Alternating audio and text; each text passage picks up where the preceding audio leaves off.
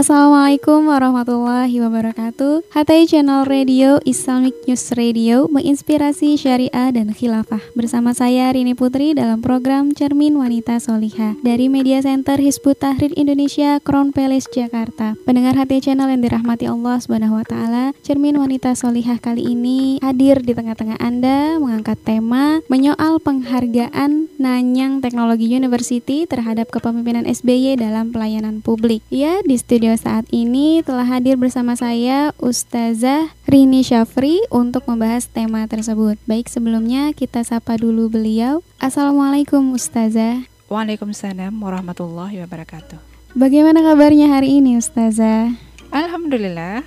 Alhamdulillahirrahmanirrahim Ya baik mudah-mudahan pendengar hati channel yang dirahmati Allah Pada kesempatan kali ini juga dalam keadaan baik-baik saja Pendengar hati channel yang dirahmati Allah, beberapa waktu yang lalu Presiden Susilo Bambang Yudhoyono resmi meraih gelar Honorary Degree of Doctor of Letters dari Raja Ratnam School of International Studies, Nanyang Technology University Singapura dengan alasan kepemimpinan SBY dinilai dalam pelayanan publik di berbagai bidang sangat mengesankan. Nah, sebenarnya bagaimana realitas pelayanan publik yang ada di Indonesia ini? Karena kalau kita lihat di masyarakat saat ini kita temui banyak sekali kesulitan ya dari segi layanan publik yang dirasakan oleh masyarakat. Terkait dengan penghargaan ini, sebetulnya bagaimana realitas pelayanan publik tadi dari sisi kesehatan, listrik, dan transportasi dan lain-lain. Baik untuk lebih lengkapnya kita tanyakan kepada Ustazah. Silakan Ustazah. Mbak Putri dan juga pendengar HTI Channel yang dirahmati Allah. Sebenarnya jika kita sedikit membuka mata saja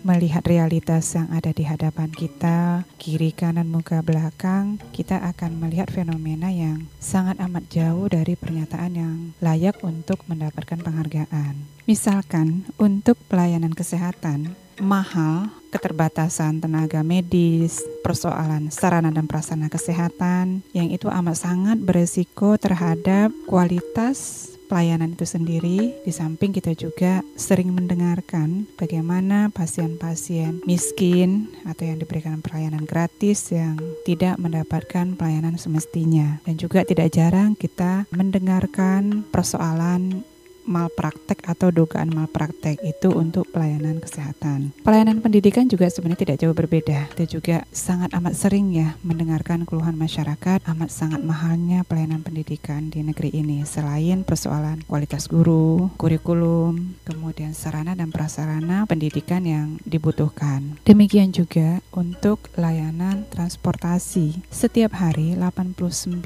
orang meninggal di jalan raya karena salah satunya buruknya sarana dan prasarana transportasi itu sendiri. Kalau kita lihat jalan raya saja itu ada puluhan ribu titik lubang yang ada di Indonesia ini kalau kita rata-ratakan. Selain juga persoalan mahal ya dan juga ketidaknyamanan itu suatu hal yang sudah biasa kita lihat. Layanan energi sekarang kita dihadapkan kepada keputusan pemerintah yang dalam waktu dekat akan menaikkan harga BBM itu jelas semakin membuat masyarakat sengsara. Demikian juga layanan listrik ya baru-baru beberapa waktu yang lalu kita harus menanggung kebijakan pemerintah menaikkan tarif dasar listrik yang itu akan berlangsung secara berkala sampai akhir tahun ini. Hal yang tidak jauh berbeda juga kita saksikan pada layanan air bersih misalkan ya. Lebih dari 40% rumah tangga-rumah tangga di Indonesia itu tidak mendapatkan akses air bersih yang baik. Sementara kita tahu sendiri bahwa air itu merupakan kebutuhan pokok ya bagi manusia. Juga demikian halnya dengan layanan perumahan. Itu ada jutaan unit rumah yang dibutuhkan itu tidak tersedia. Selain kita melihat bagaimana rumah-rumah yang ada saat ini ada mungkin jutaan orang yang menghuni rumah-rumah yang tidak layak huni dari berbagai aspek. Itu adalah fenomena yang sangat amat dekat dengan kita. Kalau sudah seperti itu, bagaimana mungkin penghargaan itu berhak diberikan kepada pemerintah. Iya, Ustazah. Kalau kita melihat di, di masyarakat memang faktanya seperti itu ya. Masih banyak pelayanan publik yang ya bisa dibilang buruk. Dari sini mengundang pertanyaan Ustazah, sebenarnya kenapa hal ini bisa terjadi ya? Ya, Mbak Putri dan juga pendengar HTI Channel yang dirahmati Allah. Satu hal yang pasti yang kita sangat mudah merasakannya bahwa selama ini memang pemerintah telah mengkomersilkan layanan-layanan publik tersebut mulai dari layanan kesehatan, pendidikan, transportasi, air bersih, energi, dan lain sebagainya. Sehingga Hal tersebut membuat sesuatu yang sebenarnya harus didapatkan oleh masyarakat secara gratis harus dibeli dengan harga yang amat sangat mahal ya. Ini kalau kita lihat dari pendapatan 30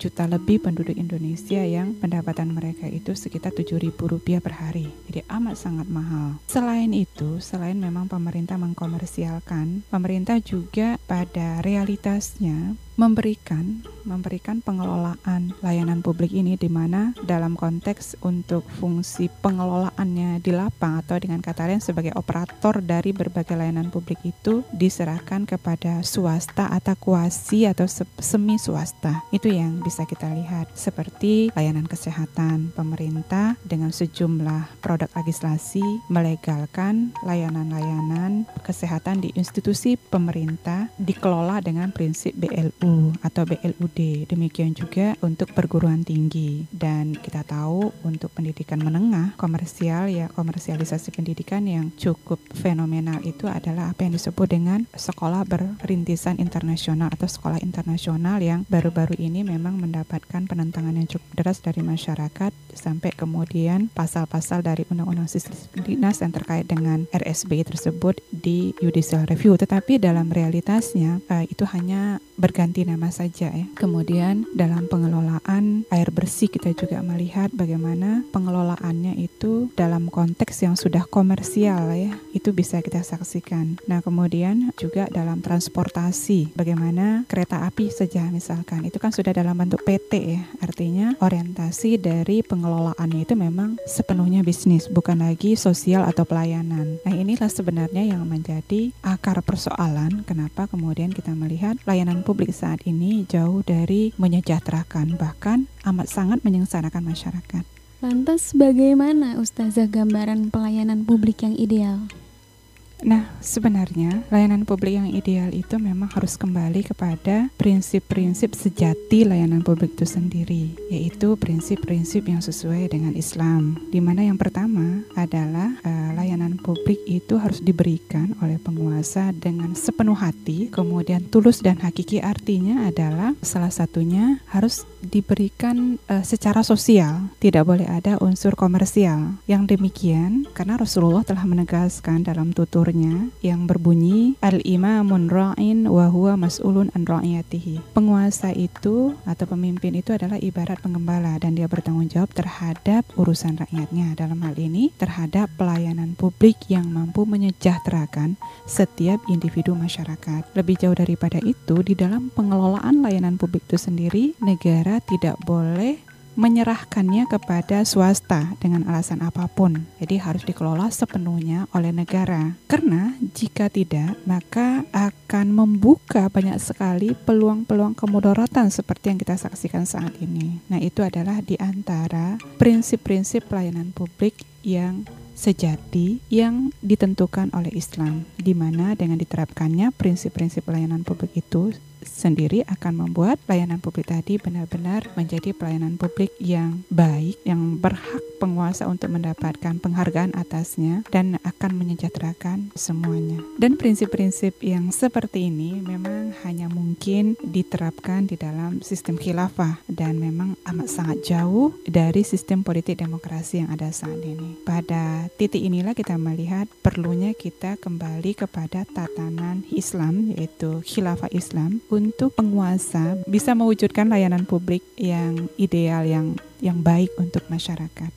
Iya Ustazah, baik kita sudah sampai di penghujung acara. Silahkan kepada Ustazah untuk memberikan closing statement Jadi jelas-jelas sebenarnya penguasa yang pantas untuk mendapatkan penghargaan atas pengelolaan layanan publik yang baik itu hanyalah penguasa yang menerapkan prinsip-prinsip pengelolaan layanan publik yang didasarkan kepada Islam, yaitu pelayanan publik yang ada di dalam sistem kehidupan Islam khilafah Islam. Jadi bukan pelayanan publik yang didasarkan prinsip-prinsip liberal kapitalistik seperti saat ini. Demikian. Baik pendengar hati channel yang dirahmati Allah, demikianlah perbincangan kita kali ini. Semoga bisa menambah wawasan keislaman kita dan memperkuat keyakinan kita akan kebenaran Islam. Saya Rini Putri dan seluruh kerabat kerja yang bertugas mengucapkan terima kasih kepada Ustazah atas penjelasannya. Jazakillah khair Ustazah. Sama-sama Mbak Putri. Terima kasih juga kepada Anda yang telah menyimak perbincangan ini. Kini saatnya muslimah bicara masa depan bangsa dengan Islam, syariah, dan khilafah. Kemuliaan tertinggi bagi wanita adalah menjadi muslimah solihah. Assalamualaikum warahmatullahi wabarakatuh.